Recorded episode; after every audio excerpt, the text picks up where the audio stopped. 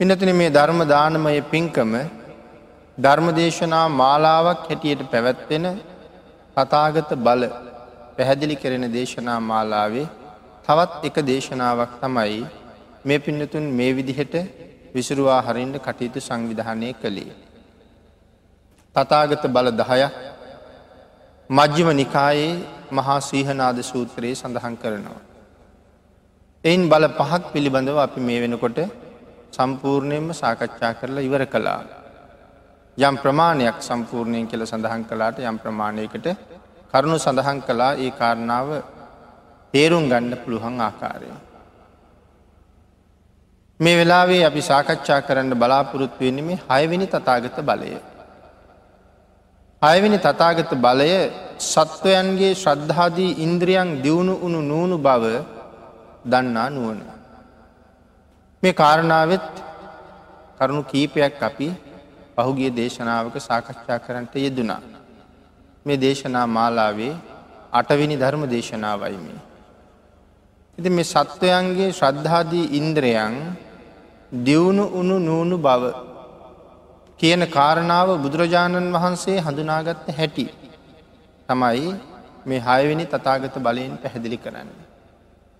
අපට හඳුනගණ්ඩ බැරිවෙච්ච බුදුරජාණන් වහන්සේට විතරක් හඳුනාගණ්ඩ පුළුවන් වෙච්ච ඒ ඒ පුද්ගලයාගේ ස්වභාවයන්.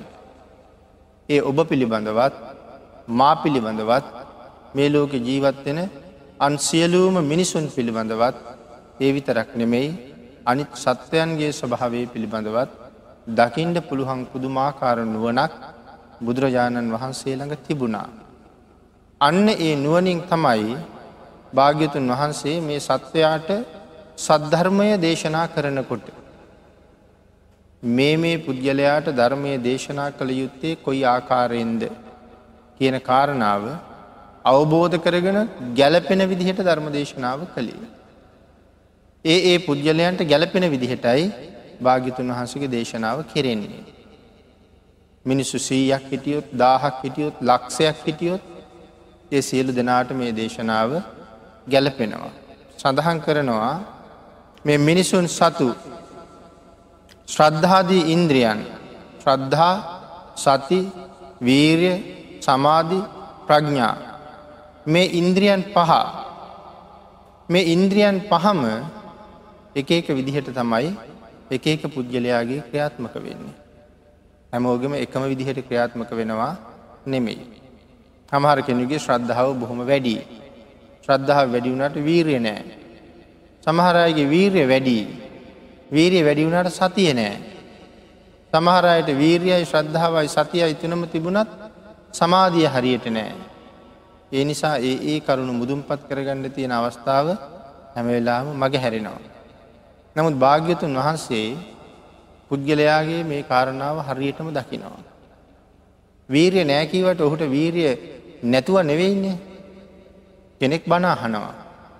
කෙනෙකුට පුළුවන් පැත් දෙකක් විතර එක තැන ඉඳගෙන එකම වීර්යෙන් බණහන්ඩ ඇබ තව කෙනෙකුට පැෑ භාගිකට වෙලා වාඩි වෙලා බණහන්ඩ අපහසු වෙන්ඩ පුළුවන්. තව කෙනෙකුට විනාඩි විශ්සකට වඩා ඉන්ඩ බැරිවෙන්ඩ පුළුවන්. ඒ එක එක පුද්ගලයාගේ වීර්ය ඒ ඒ විදිහට වෙනස්. ඒ වීර්ය අවබෝධ කරගෙන මේ කරුණු භාග්‍යතුන් වහස මනාව ධර්මදේශනා කළේ මේ කරුණ දරමින්මයි.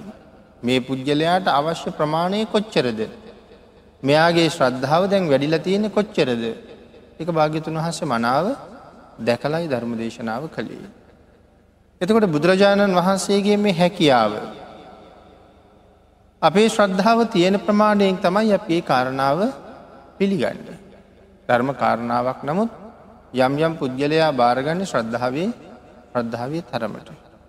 ඔහුගේ ශ්‍රද්ධාව යම් ප්‍රමාණයකට වැඩිලා එතනින් එහාට වැඩින්නේ නැත්තං ඒ පුද්ගලයාට කවුරු කරුණු පැහැදිලි කරලා දෙන්න උත්සාහ කළත් ඔහු එක පිළිගන්නේ නෑ. එක තමන්ගේ ශ්‍රද්ධාවේ ප්‍රමාණය. ඒ නිසා අපිට හරියට භාග්‍යතුන් වහන්සේ සරණයෑම කියන කාරණාව පවා අපහසු තත්වයට පත්වෙනවා. මොද භාග්‍යතුන් වහන්සේ සරණයන්ට බෑන සැකතියාගෙන විතිකිච්චාව කියලකිවේ බුද්ධාදී අට තැන පිළිබඳව සැකය. එතන තෙරුවන් පිළිබඳව සැකය මුලින්ම මුලින්ම තියෙනවා. බුදුරජාණන් වහන්සේ පිළිබඳව යම් කරුණක් සැකයිනම් ඒ පුද්ගලයාට බුදුන් සරණයන්ඩ බැහැ. එතකොට මේ සැකනැතුව මේ කරුණු පිළිගණ්ඩ පුළුවන් වෙන්නේ කොහොමද. ශ්‍රද්ධහා මාත්‍රයම තමයි පිළිගණ්ඩ වෙන්නේ කරුණු කාරණා දහම් කාරණා හොය හොය අවබෝධ කර කර ශ්‍රද්ධාවෙන් මේ කාරණාව ඉවසන්ඩ පිළිගණ්ඩ වෙනවා. අපිට අපේ මනසින් කවදාවත් බුදුරජාණන් වහන්සේ ගැන කල්පනා කරලා ඉවර කරන්න ඉවර කරන්න බැහැ. අපි අපි දිහා බලනවා වගේ බුදුරජාණන් වහන්සේ දිහා බලන්න පුරුදුනොත් ඒත් අපිට කවදාවත් භාගිතුන් වහන්සේ සරණයන්ට හම්බ වෙන්නේ හම්බ වෙන්නේ නෑ. එනිසා අපිට වඩා මහාකල්ප අසංක්‍ය ගානක් පාරමිතා සම්පූර්ණ කරලා සම්පූර්ණ කරලා දස පාරමිතාවන්ගෙන් පාරිපෝෂණයට පත්වෙච්චේ මහෝත්තමයාණන් වහන්සේ දිහා අපේ හැකියාවල් දිහා බලනවා වගේ බලන්ඩ පටන් ගත්තොත් කවදාවත් අපිට සරණයන්ඩ බැරුව යනවා. අපිට වඩා උන්වහන්සේට මොනතරං ශක්තියක් මොනතරං අවබෝධ ඥානයක් තියෙනවද කියන කරුණම හැමවෙලාම විමසමින් ශ්‍රද්ධාවෙන් යුක්තවම කටයුතු කළොත් විතරයි කරුණ භාරගණ්ඩ පිළිගණ්ඩ පුළුවන් වෙන්නේ. මේ හයවැනි තතාගත බලය අපි යම් ප්‍රමාණයක් සාකච්ඡා කියලා කියලා සඳහන් කළා. පිනතින බුදුරජාණන් වහන්සේට මේ එක එක පුද්ගලයා හඳුනාගණ්ඩ තිබිච හැකියාව. පැහැදිලි කරන අවස්ථා කීපයක් ධර්මය තුළ තියෙනවා. එයින් තව එක අවස්ථාවක් පිළිබඳව සඳහන් කළොත්. සමහරාය ශ්‍රද්ධාව ඇති වෙලා පැවිදි වෙනවා. පැවිදි වුණාට සසරෙන් නික්මීමේ අදහසම නෑ. සසරින් විදෙනවා කියන අදහස ඇතිවම පැවිදි වෙනවත් නෙමෙයි සමහර කෙනෙකුට මුලින් ඇතත් පැවිදිනාට පස්ස ඒක වෙනස් වෙන්ඩ පුළුවන්. තවත් වෙනත් වෙනත් හේතුවන් නිසා පැවිදි වෙනවා වෙන්නත් පුළුවන්. නමුත් ඒ පැවිදි විච්චාය ගැනත් භාගිතුන් වහසේ ඒක එහෙම්මම එහෙම්මම දැක්කා. එනිසා මෙතන සඳහන් කරනවා පැවිදිව සිටියද නයිෂ්ක්‍රම්මාධ්‍යාශය නැති කාමයම ගරු කරන කාමාධ්‍යාශයේ ඇති පුද්ගලයෝ පැවිද්දන් අතරද ඇත්තා. පැවිදි වුණාට කාමයට තමයි බර ඒගැන බොහෝ දේවල්වලට ඇලීමක් තියෙනව බැඳීමක් තියෙන. ඒක පැහැදිලි කරන එක කාරණාවක් ධර්මය සඳහන් කරනවා මේ රූප නන්දා කියන භික්‍ෂුණිය. මේ රූපනන්දා කියන තරුණිය පැවිදි වුණේ පැවිදිවීමේ ලොකු අවශ්‍යතාවයක් ඇතිව නෙමෙයි. මේ භාග්‍යතුන් වහන්සේගේ ඥාති සහෝදරිය. එනිසා රූපනන්දා කල්පනා කරනවා මගේ වැඩිමාලු සහෝදරයා පැවිදිලා බුදු වුණා. ඒ වැඩිමාලු සහෝදරයාගේ පුත්‍රයාද පැවිදි වුණා. මාගේ මවද පැවිදි වුණා. මාගේ සහෝදරයාද පැවිදි වුණා. එහෙව් එකේ මං පැවිදි නොවී ඉදල මොනව කරන්නද. එහෙම හිතල ඇයත් පැවිදි වුණා. රූප නන්දා කියන නම ලැබුණෙම පුදුමාකාර ප්‍රියමනාප රූපයක් තිබුණ නිසා. ඇගේ රුවට ඇයද පුදුම විදිහට ප්‍රිය කළා. පැවිදි වනාට ඇය අහල තියෙනවා භාග්‍යතුන් වහන්සේ මේ රූපයේ තියෙන දුර්ගුණ දක්වනවා කියලා. ඒ වගේම මේ අනිත්‍ය දුක්ක අනාත්ම කියන ත්‍රිලක්ෂණය පැහැදිලි කරමින් දහම් දේශනා කරනවා කියලා. ඒ නිසා කවදාවත් මැය බණහන්ඩ ගිය නෑ. ොද බුදුරජාණන් වහන්සේ තමන්ගේ රූපයටත් නිග්‍රහ කරයිදූ කියල හිතුනා. මේ භාග්‍යතුන් වහන්සේ රූපයට නිග්‍රහ කරනවා කියලා කෙනෙක් කිය හම ඒ ධර්මකාරණාව හරියට පිළියරන් තිබුණ නෑ අවබෝධ කරලා තිබුණේ නෑ. ඇතුවගේ ලස්සන කෙනෙකුට නිග්‍රහ කරන සිරිතක් භාග්‍යතුන් වහන්සේගේ භාගිතුන් වහසගෙන නැහැ. නමුත් ඒ තමන් සතු රූපයට ඇලිලා එය ආත්මය කරගෙන ජීවත් වෙනයට සත්‍ය වට හලා දුන්නා. ඒකයි මෙතන රූපයට නිග්‍රහ කලා කියලා සඳහන් කරන්න. නමුත් මේ තැනැත්තිය ගිය නෑ භාගිතුන් වහස මුණ ගැහෙන්නේ. නමුත් නිරන්තරයෙන්ම බනහලායන භික්ෂු භික්ෂුණීන් උපාසක උපාසිකාවන් භාග්‍යතුන් වහන්සේගේ ගුණමයි කියන්නේ. භාග්‍යතුන් වහන්සේගේ හැකියාවමයි වර්ණනා කරන්න. ඒ නිසා රූපනන්දාට හිතෙනවා මමත් යන්ඩෝන බණහන්ඩ. හැමෝම මගේ සහෝදරයාගේ ගුණම කියනවා. මමත් බණහන්ඩ යනවා. උන්වහන්සේට පේන්ඩ යන්නේ නෑ. ගිහිල්ල සද්ධර්මශ්‍රවනය කරන භික්‍ෂුණීන් වහන්සේලා කෙරවලේ පිටිපස්සේ පේන්නේ නැතුව පේන්නේ නැතුව වාඩි වෙලා ඉදරම බණහනවා. රූපයට නිග්‍රහ කළත් එකම දවසේ ඔක්කොම නිග්‍රහයන් ටික කරලා ඉවර කරන්නේ ෑනේ එහින්ද එක දවසක් චුට්ටක් මොනොහරි අහගත්තර කමක් නෑ නිග්‍රහ කළත් කියල තමයි හිතෙන්නේ. එහෙම හිතිල තමයි හොරෙන් හොරෙන් බණහන්ඩ යන්න. බුදුරජාණන් වහන්සට පේෙන් නැතුව පාඩි වෙලා බණපන්න. නමුත් භාග්‍යතුන් වහන්සේට නොපෙනී එහෙම ගිහිල්ල කෙනෙකුට ඉන්ඩ පුළුහන්ද. ඒ කාරණාවයි මෙතන මේ පැහැදිලි කරන්න. රූපනන්දාවට භාග්‍යතුන් වහන්සේට නොපෙනී ඉන්ට කොහොමත් කොහොමත් බෑ. මේ ලෝක කිසිම කෙනෙකුට භාග්‍යතුන් වහන්සේට නොපෙනී හැන්ගෙන්ඩත් හැන්ගෙන්ඩත් බෑ. මාරයට නොපෙනී අපට හැන්ගෙන්ඩත් බෑන. අපි කොහේටියත් අවශ්‍ය වෙලාවට මාරය ඇතෙන්ට එන වමයි. භාග්‍යතුන් වහන්සේට හොරෙන් කොහෙවත් හැන්ගෙන්ඩත් හැන්ගෙන්ඩත් බෑ. නමුත් මේ තැනැත්තිය ගිහිල්ල කෙරවලේ වාඩි වුණේ භාගිතුන් වහසට නොපෙනෙන්ඩ.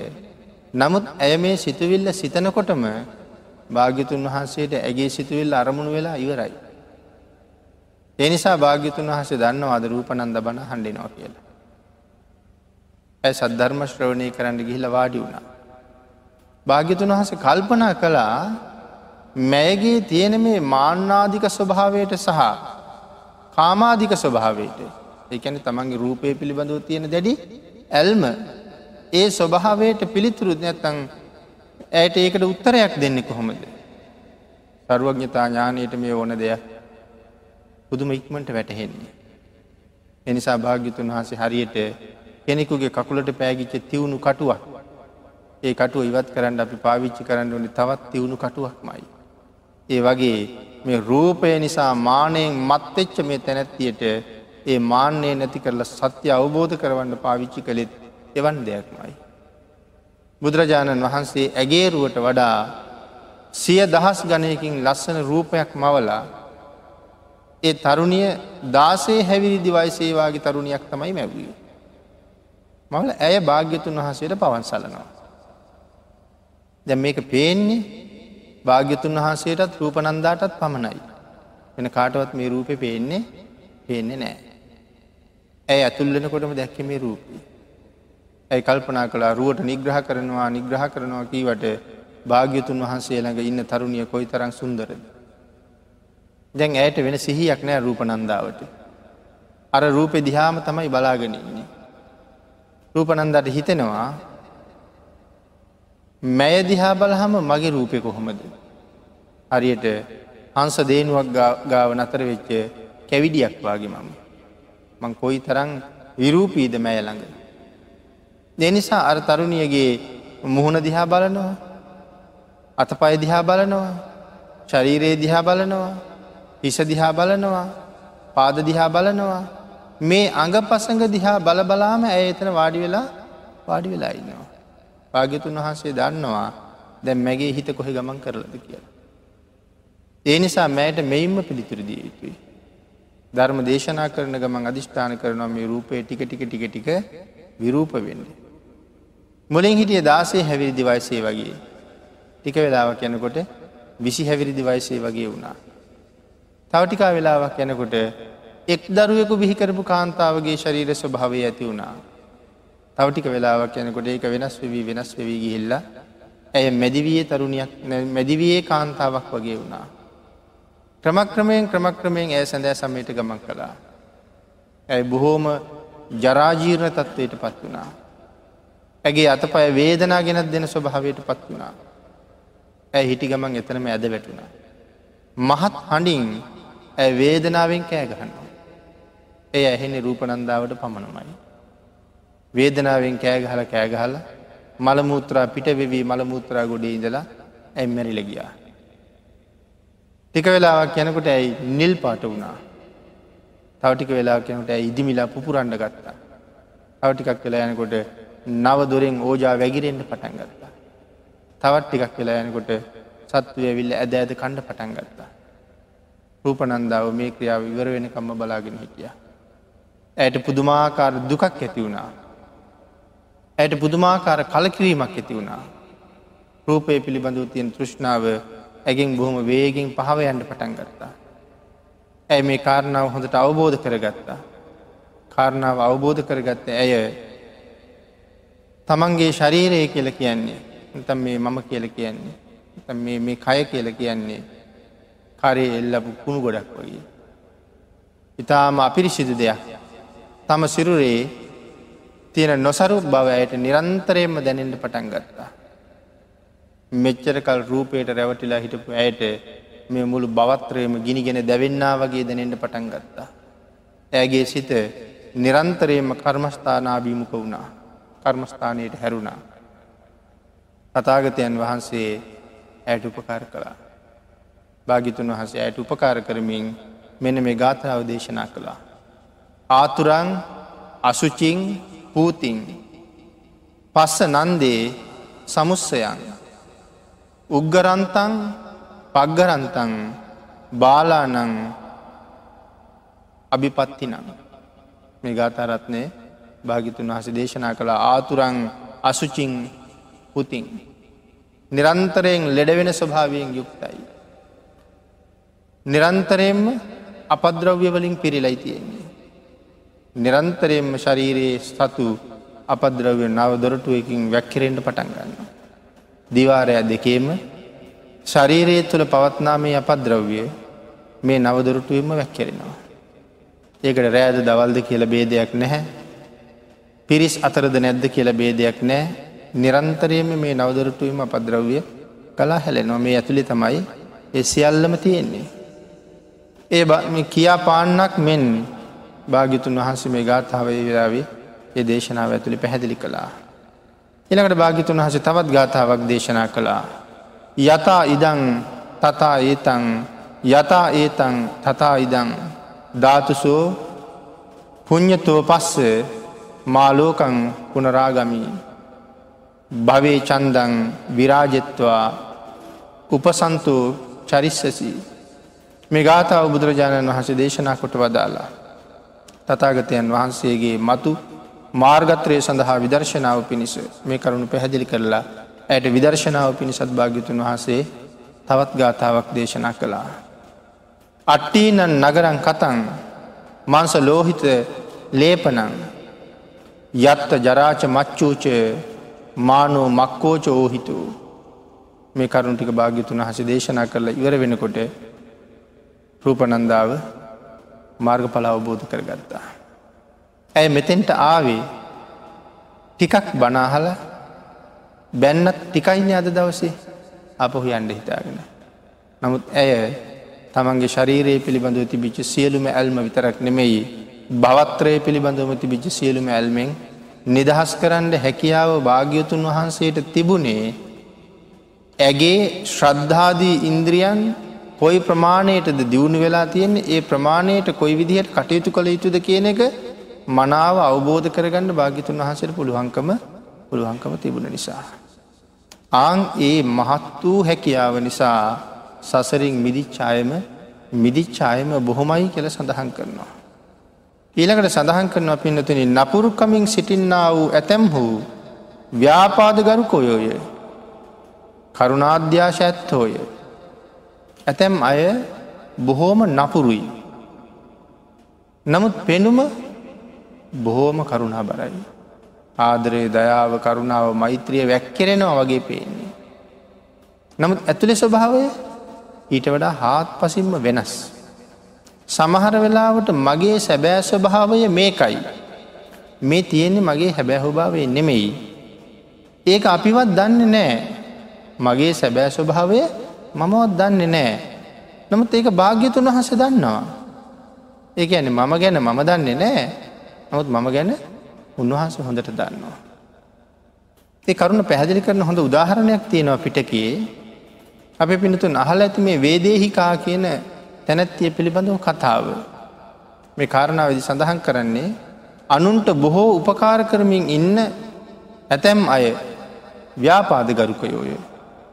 බෝම අනුන්ට උදව් කරන උපකාර කරනවා. දේනිසා අපිහිතනවා හරිම සත්පුරුෂයි.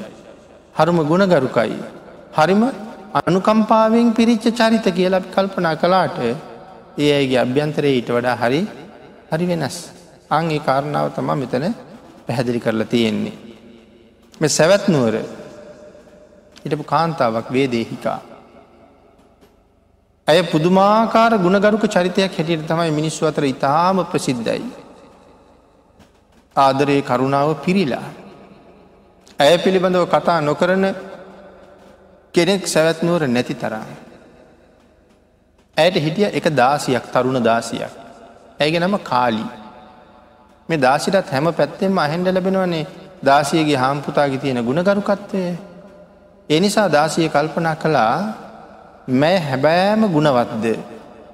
එහෙම නැත්තං ඇයට කිසිම දෙයක් අතපසු වෙලා පේන්ඩ තියෙන්නේ නැතුව ඇයගේ සියලුම කටයුතු හරියටම සම්පූර්ණ කරලා දෙන ඇගේ දයසිය නිසා ඇය ගුණවත් වගේ මිනිස්සුන්ට පේනවද.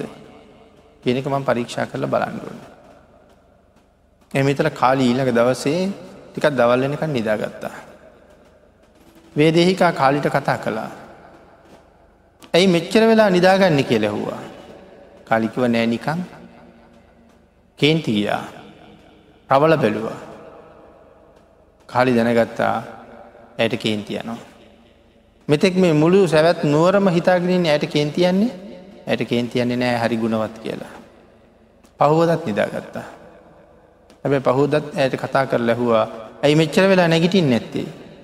ඇයිකිව නෑ නිකං එදා හොඳටම දොස් කීවා. තුන්ගනි දවසෙත් ඇය හිතාමතාම නිදාගත්තා. එදත් කතා කළා. එදත් ඇහු ඇයි කියලා. නෑ නිකං කිව්වා. එදා කේන්ති ගියා දොරට දාන පොල්ල ළඟ තිබ අරගෙන ලුට ගැහ්වා. ඒ වෙලාවෙ කාලි මිදුලට පැනලා ලේ පෙරිපෙරී නගරේ පුරාම දූදුවකුව මෙන්න උඹලගේ ගුණවත් වේදීහිකාගේ තරම. ඇයට නොෙක්කාකාරයෙන් උදව් කරන උපකාර කරන පිහිට වෙන මට ඇය දොරපොල්ලෙන් ගහලම ගොලුව පැළුවා. එකම දාසියක් ඉන්න ගෙදර සියලුම කටයුතු මෑ මට කරල් දෙනවනි කියන කාරණාවත් ඇ හිතුවේ ඇයි හිතුවේ නෑ. මේ විදිහේ කාරණාවක් සඳහන් කරලා තියෙනවා. එතකොට වේදේහිකාගේ පෙනුම දකින ඕනෑම කෙනෙකුට ඉතාම ගුණවත් චරිතයක්. නමුත් බුදුරජාණන් වහන්සේ දන්නවා මෙන්න මේ ගුණවත් චරිතයක් කියලා මිනිස්සු හඳුනගත්ත තැනැත්තාගේ හෝ තැනැත්තියාගේ අභ්‍යන්තරයමකක්ද කියලා. ඒක අවබෝධ කිරීමේ පුදුම හැකියාව බුදුරජාණන් වහසට තිබුණා. එකන සමහරයට කමටහන් ඉල්ලුවට භාගිතුන් හස කමටහන් දුන්න නැත්තේ. බොහෝම ශ්‍රද්ධාවෙන් එන්නේ. බැගෑපත් වෙලා ඉල්ලන්න. එ කොහොම බැගෑපත් වෙලා ඉල්ලුවත් සුදුසු නැති පුද්ගලයට කමටහන දුන්නෙම කමටහන දුන්නෙම නෑ. ඊළඟට සඳහන් කරනවා පිනතින මේ අනුසය අනුසය යනු ප්‍රහීන භාවයෙන් සත්ව සන්තානයෙහි පවත්නා කාමරාගාදී වූය අනුසය සත්ව සන්තානයේ ප්‍රහීන වෙලා යට තැම්පත් වෙලා තියෙන්නේ. උඩට එන්නේ නෑ. නමුත් යම් වෙලාවක යම් තැනක මේ කාමයට ඉලිප්පෙන්ඩ දෙයක් ඉලිප්පෙන්ඩ තැනක් දැක්කොත් මමවත් නොදැන පතුලේ තැන්පත් වෙලා තිබිච්ච මේ සිතුවල එක පාරෝ මතුවෙන්ට පටන් ගන්නවා. මමවත් දන්න ඇක. තර මමවත් දන්නේ මාගාව එහෙම සිතුවිලි පතුලි තියෙනවද කියලා. මේකට හොඳ උදාහරණයක් මේකටත් තිබුණ ධර්මය. කාරණාව විදි පැහැදිලි කරනවා මේ අනුශහිත කෙලෙස් වර්ෂ බොහෝ ගණනාවක් වුණත් හැංගිලා තියෙනවා. අපි දන්න තියෙන බව හැංගිලා ඉතින් අපේ හිතේ අපි ගාව එහෙම කෙලෙස් නෑ කියලා. නමුත් හැංගිලා තියෙනවා. මේ එක අවස්ථාවක සඳහන් කරනවා අපි බෝසතාණන් වහන්සේම එක කලෙක ධ්‍යාන උපදෝල රාගය යටපත් කරලා උන්වහසේ බඹලොව ඉපදුනා. දීර්ඝ කාලයක් බඹලොව හිටිය. බඹලෝ කිසිම කාමුක ක්‍රියාවක් බඹලෝ නැහැ. දෙව්ලවනන් දිව්‍යාංගනාව ඉන්නවා. බඹලෝ දිව්‍යාංගනාව නෑ. ඉන් කාලාන්තරයක් කල්පගනන්නේ බඹලෝ ආවිශය තරන් දීර්ඝ කාලයක් රාගයෙන් වෙන් වෙලා බඹලෝ ඉඳලා නැවත මනුස්සලෝක ඇවිල්ල ඉපදුනා. රජ ගෙදර රජ බිෂවගේ කුසේ. කාන්තාවන්ට කොයි තරං අප්‍රසන්නද කාන්තාව කොයි තරං අප්‍රිය කරනවාද බඹලෝ ඉඳල න්‍යාවේ. ඒ නිසා මේ දරු පැටියා අම්මටවත් වඩාගන්න බෑ. අතර ගත්තොත් අඩනවා.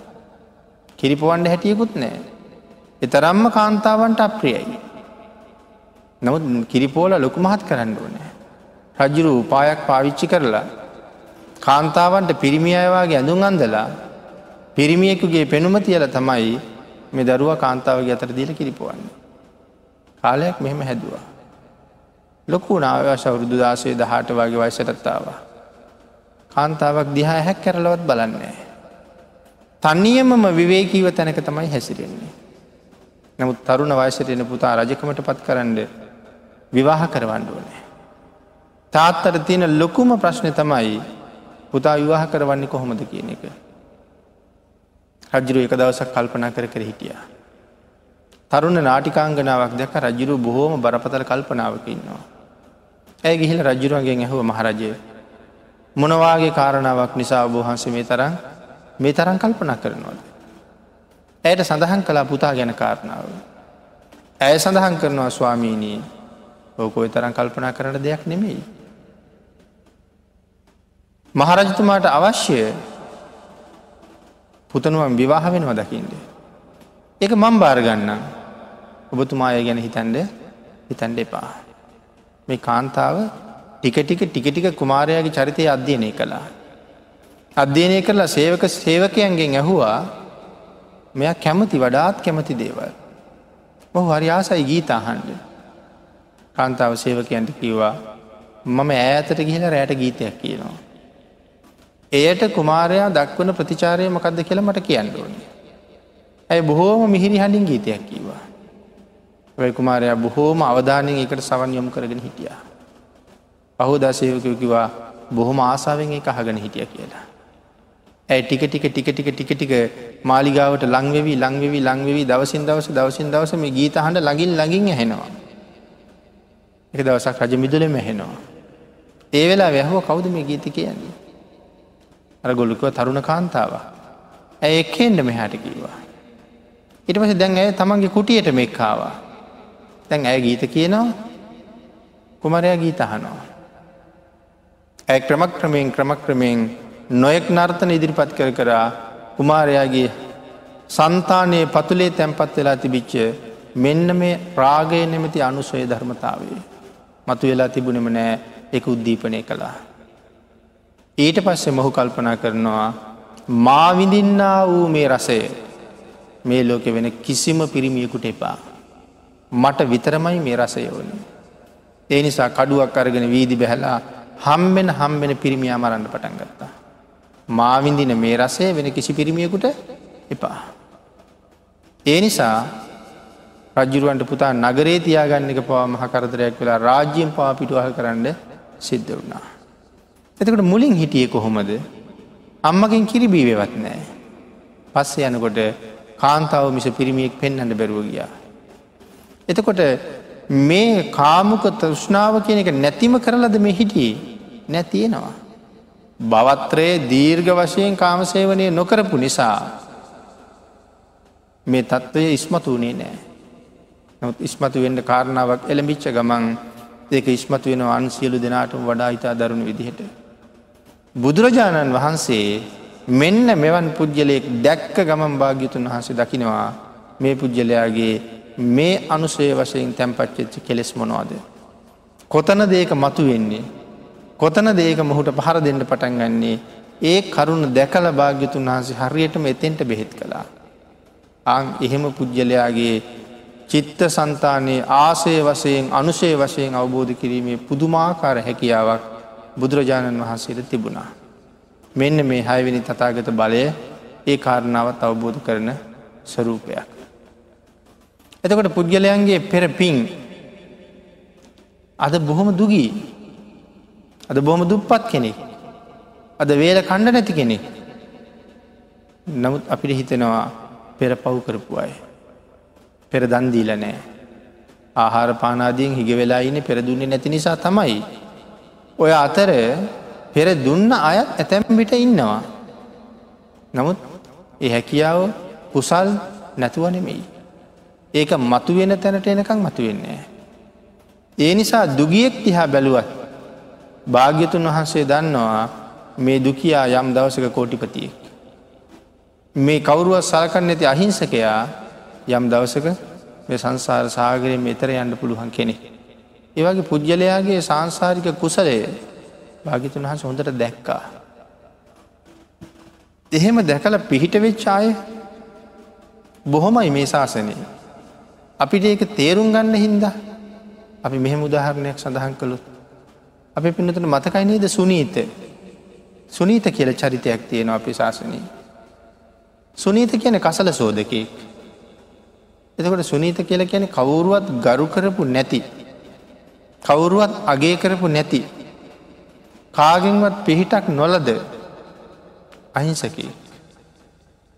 බ්‍රාහ්මණවරු ශස්ත්‍රියවරු උසස් ගෘහපතිය එනකොට මේ අය පාරි මුණ ගැහෙන්ඩවත් අහනක්. මුණ ගැහුණොත් කස පාරගහනවා. එහින්ද මේ උසස් අය එනකොට ගෙජියක් හොල්ලනවා. එතට ඒක ඇතට ඇහෙනවා මිනි ගෙඩිය. එතකොට මෙන්න මේවාගේ පහත් අය පාරවල් වල අයින ඉන්නවනං කැලේට පැල්ල හැන්ගෙනවා. නොදකිින් ඕන දකිින්ඩවත් කැමති නෑ එහෙමයි. එහෙම කෙනෙක් තමයි සුනීත. බුදුරජාණන් වහන්සේත් ඒ පාරි වඩිනවා. සුනීතය දත් තමන් සුද්ධ කරන කසල කද කරේතියාගෙන තැන් තැන්ගොල බිමතීතිය ආයක පුරෝපුරෝ කරතියාගෙන පරිස්සර හටෙනවා. සුනීතර භාගිතුන් වහස දැකළ දුවන්ඩ හිතුන් නෑ. සුනීතර බුදුරජාණන් වහස දැකළ බයහිතුනෙත් නෑ. නවත් සුනීතර බුදුරජාණන් වහන්සෙනකොට එහෙම ම පාරට වෙලා හිටගෙන හිටියෙත් නෑ. සුනීත කසලකද පැත්තකින් කියලා භාගිතුන් වහස වඩිනකං මෙයා ටික එහාට ගිහිල්ලා තිබ්බ ගෙදරක බිත්තියකට හේතු වෙලා හිටියා. නම බුදුරජාණන් වහන්සේ සුනීත පහු කරලා වැඩියෙත් නෑ. බුදුරජාණන් වහසේ සුනීත ගාවට වැඩියා. බුදුරජාණන් වහන්සේ සුනීතට නම කියල කතා කෙරුවා. ජීවිතයේ පළවෙනි වතාවට මේ පුද්ගලයාට මේ තරන් කරුණාබර හදවතකින් ආමන්ත්‍රණය කරනකොට ඔහුට කොයිවාගේ හැඟීමක් දැනෙන්ට ඇද. අෂ්ටංග සමන්නාගද බ්‍රහ්මස්වරය මොනතරන් ලස්සනද බුදුරජාණන් වහන්සේගේ හඬ. ඒ හඬින් පුදුම කරුණාවෙන් භාග්‍යතුන් වහන්සේ සුනීතට ආමන්ත්‍රණය කරනට ඇතිවෙච්ච සතුටුව. බුදුරජාණන් වහන්සේ සුනීතගෙන් ඇහුවා සුනීත පැවිදිවෙන්න කැමති නැද්ද කියලා. සුනීතකිව ස්වාමීනී අප වැන්නන් කවුරු පැවිදි කරන්නද. මං පැවිදි කරන්නම් සුනීත. යමු මගෙත් එක්ක සුනීතට පුදුම සතුටා. ඇයි සුනීතාද මෙතැන සංසාරි හැටි සසන භයානකත්වය සුනීතට මේ ජීවිතයෙන් රහත්තෙන්ට පින් තියෙනවා. නමුත් ඇයි සුනීත කසල සෝදන්නේ හෙනම් මේ ජීවිතෙන් රහත්තෙන්ට පින් තියෙනවන. ඒ මේ ජීවිතය කරපු පින්ද නෑ සුනීත පෙර භවයක කරගත්ත පින්. එහෙම පින්කර කර පින්කර කර සසර ඇවිදගෙනෙන සුනීත එක කාලයක මනුස්සලෝක ඉපදුනා බුද්ධ ශූන්‍ය කාලයක. ලොවතුරා බුදුවරු නැහැ පසේ බුදුරජාණන් වහන්සේලා වැඩ හිටියා. සුනීත උසස් කොලේක ඉපදිලා.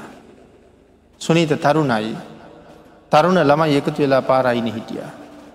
පසේ බුදුරජාණන් වහන්ස පින්ඩ පාති වඩිනවා. ඒවෙලාව මේ උසස් පෙළපතක උපන්න මේ තරුණයා පසේ බුදුරජාණන් වහන්සේට විහිළු කෙඩුවා. බුදුරජාණන් වහන්සේගෙන් අහනවා ඔබ කවුද. ශරීරයේ පුරාම වනහැදිල හොරි හැදිලා තුවාල වෙච්ච කෙනෙක් වගේ. මුළු ශරීරයේම රෙදි කෑල්ලකින් වහගෙන උඹ මොනවට හිඟමන යනවාද. නිකම්ම හිඟමනය ගිහිල කාලා ජීවත්තෙන් එපා. කරන්න වැඩක් නැත්තං අනුන්ගේ ගෙවල්වල පිළිකණු සුද්ධ කර කර කසල ගොඩවල්වත් අයින් කරලා මොන හරිකාපක් නයි නැතුව. මේවාගේ මේවාගේ වචන කීවා. ආංගේ යකුසලේ නිසා මෙයා ගිහිල නිරේ උපන්න. කල්ප කාලාන්තරයෙක් නිරාදුක්කින්දා. නිරාදුක්කිදල මනුස්සලෝක ඉපදිලා එය කීව කසල සෝද පං කියලා. අනුන්ගේ ගෙවල්ල පිටි පස්ස කැලි කසලා ඉංකර පං කියලා. ඒ වැඩේම මෙයාට කරන්න සිද්ධ වුණා. මේ කරගෙන යන්නේ ඒක. එතකොට සංසාරය කොච්චර භයානකද කියලා අපිට හැඟෙන් නැද්ද. අද මේ මනුස්ස ජීවිතය මට කොච්චර වටිනවාද. මේ ජීවිතයේ මේ විදිහට ලබන්ඩ මම කොයි තරන්නම් පින් කරන්න ඇද්ද. අපේ හිතල බලන්න. තම තමන් මොන තරම් පින් කරල වෙන්ඩ ඇද කියලා. මේ ලෝකෙ දුර්ලභම කාරණා හතරක් තියෙනවා. එකක් මනුෂ්‍යත්වය. තව එකක් බුද්ධාන්තරය තව එකක් ක්ෂණ සම්පත්. අනිත් එක තමයි සද්ධර්මය. ලෝක දහත්වේ දුර්ලභ යමක් තියෙනවා නම් මේ හතර තරං දුර්ලභ දේවල් මේ ලෝක වෙන නෑ. කල්පාන්තය දක්වාම මේ හතර තරන් දුර්ලභ දේවල් ලෝකේ නෑ. එතකොට මනුෂ්‍යත්වය අපිට ලැබිලා. බුද්ධාන්තරයත් අපිට ලැබිලා. ෂණ සම්පත් ඇස් දෙකත් පේනව කන් දෙකත් ඇහෙනවා අතපයත් හොඳයි හිතන්ට පුළුවන් හොඳ ලුවකුත් තියෙනවා නිරෝගී කයකුත් තියෙනවා. මොකොවත් අඩු නෑ. ශ්‍රී සද්ධර්මයත් හිග නැතුව හිග නැතුව අපිට ලැබිලා. දැන් හිතන්නක ලෝක දහතුවේ තියෙන පරම දුර්ලභම කාරණා හතරම සහිතව පෝෂණය වෙලා උපදින් අපි සංසාරි කොච්චර පින් කරන්න ඇද කියලා. එනම් අපිට අපි ගැන අපව හිතන්ඩ අපව හිතන්ඩ සිද්ධ වෙනවා. මෙයාට මේ වැරද වනේ බුද්ධ ශූන්‍ය කාලයක ඉපදිච්ච හින්දා. අද මෙතන මෙහෙම හිටියට ඒවාගේ ශූන්‍ය කාලවල ඉපදිලා ඔබයි මමයි කරගත්ත පව් නැද්ද තියෙනවා. උත්සන්ඩ බැරි තරම් බරට අපේ පව්කඳු.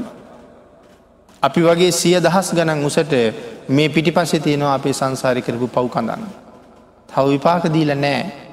මේ ජීවිතයේ ඒව විපාක දෙන්නත් බෑ මේ ඉපදිච්ච උපත බොහොම ඉහළ තත්ත්වයක තියෙන නිසා. විපාක දෙන්න බැරුව පි පව් පිටි පස්සට වෙලා ඉන්නවා හැබැයි තැන ආපු ගමන් ඒ අතුරු දහන් වෙලා නෑ විපාක දෙන්න පටන් ගන්නවා. එහෙමනං සුනීත බුදුරජාණන් වහස එක ගියා. එක ගිහිල සුනීතර භාගිතුන් වහසේ හැවිද්ද ලබල දුන්නා. සුනීත බුදුරජාණන් වහසගෙන් කමට හංගිල්ල ගත්තා. සුනීත භාවනා වැඩුවා. සුනීත බොහෝම කෙටි කාලයකින් සසර කෙරවල කරගත්තා. එදා සුනීත මිනිස් වෙනකොට පැනල දීවා. අද සඳහන් කරනවා නමෝතේ පුරිසා ජඥ නමෝතේ පුරිසුත්තම යස්සතේ ආසවා කීනා දක්කිනේ යාසි මාරිසේ. එදා මිනිස් වෙනකොට සුනීත හැංගුණා උසස් මිනිත් වෙනකොට. නමුත් මේ වෙලාවේ සඳහන් කරනවා සක්‍ර දේවේන්ද්‍රයන් වහන්සේ. දෙවගේම තවත් බොහෝ දෙවිවරු එවිතරක් නෙමෙයි බ්‍රහ්මයෝ සියලු දෙනාම ඇවිල්ල මේ සුනීත ස්වාමීන් වහස ගාව දනගහනවා. සක් දෙවිඳු දෙවිවරු බ්‍රහ්මරාජය ඇවිල්ල දනගහන්න. එදා මිනිස් විශ්වර අපිට පැන්ල ගිල්ල හැඟිච්ච හැංගිච්ච සුනීත. වැඳගෙන දනගහගෙන සඳහන් කරනවා පුරුෂ අජානීයයන් වහන්ස ඔබ වහන්සේට නමස්කාර වේවා. පුරුෂ උත්තමයන් වහන්ස ඔබ වහන්සේට නමස්කාර වේවා. නිදුකාණන් වහන්ස ඔබ වහන්සේගේ ආශ්‍රවයෝ ෂය වූහ ඔබ වහන්සේ දක්ෂිනාවට සුදුසු වූහ මෙහෙම කියමින් දොහොත් මුදුන්දී නමස්කාර කලා කියල සඳහන් කරනවා සක්‍ර දේවේන්ද්‍රය ඇතුළු දෙවිවරුත් බ්‍රහ්මරාජවරුත්. කාටද මේ එදා කසල හෝදපු සුනීතට. සුනීතට මේවාගේ තැනකට ඇවිල්ල දෙවියන්ගෙන් බඹුන්ගෙන් වැඳුම් ලබන්ඩ තරම් පිනක්. සුනීත සතුව තියෙනවාය කියන කාරණාව සුනීත දැනගෙන හිටිය නෑ කවදාවත්. එදා සමාජය හිටපු කිසිම මිනිහෙක් ඒක දැක්කෙනෑ. කිසිම රහතන් වහන්සේ කෙනෙක එක බලල තිබුණෙත් නෑ. නමුත් සුනීත දැක්ක ගමන් බුදුරජාණන් වහන්සේ දැක්කේ මේ පුද්ගලයාට මෙහෙම තැනකට එන්ඩ තරම් පින්තියෙනවා කියලා. ආං ඒ පුද්ගල චිත්ත සන්තානය දැකීමේ හැකියාවත් ඒ පුද්ගලයාගේ ශ්‍රද්ධහා සතිවීරිය ආදී ඉන්ද්‍රියන් මෙන්න මේ මට්ටමට දියුණු වෙලා තියෙන බවත් භාග්‍යතුන් වහන්සේ දැකගත්තා. ආං එහෙම දකිින්ට තිබිච්ච හැකියාව භාග්‍යතුන් වහන්සේට විතරක් තියෙන සුවිශේෂී වූ හැකියාවක්. ඒ හැකියාව තමයි මේ හයවෙනි තතාගත බලය හැටියට පැහැදිලි කරන්න. අද ධර්ම දේශනාවට තියෙන කාලයේ නිමා වෙලා තියෙන නිසා ධර්ම දේශනාව අපි නිමා කරමු සම්මා සම්බුදුරජාණන් වහන්සේ සරණයන්ට භාග්‍යතුන් වහන්සේටම සතු මෙවන් සුවිශේෂී ගුණ පිළිබඳව කල්පනා කරලා උන්වහන්සේ පිළිබඳව සරණගි ශ්‍රද්ධාව පිහිටවලා සරණයන් අපි සියලු දෙනාටම ශක්තිය දහිරිය භාග්‍ය වාසනාව උදාවේවා කියල ප්‍රාර්ථනා කරමු.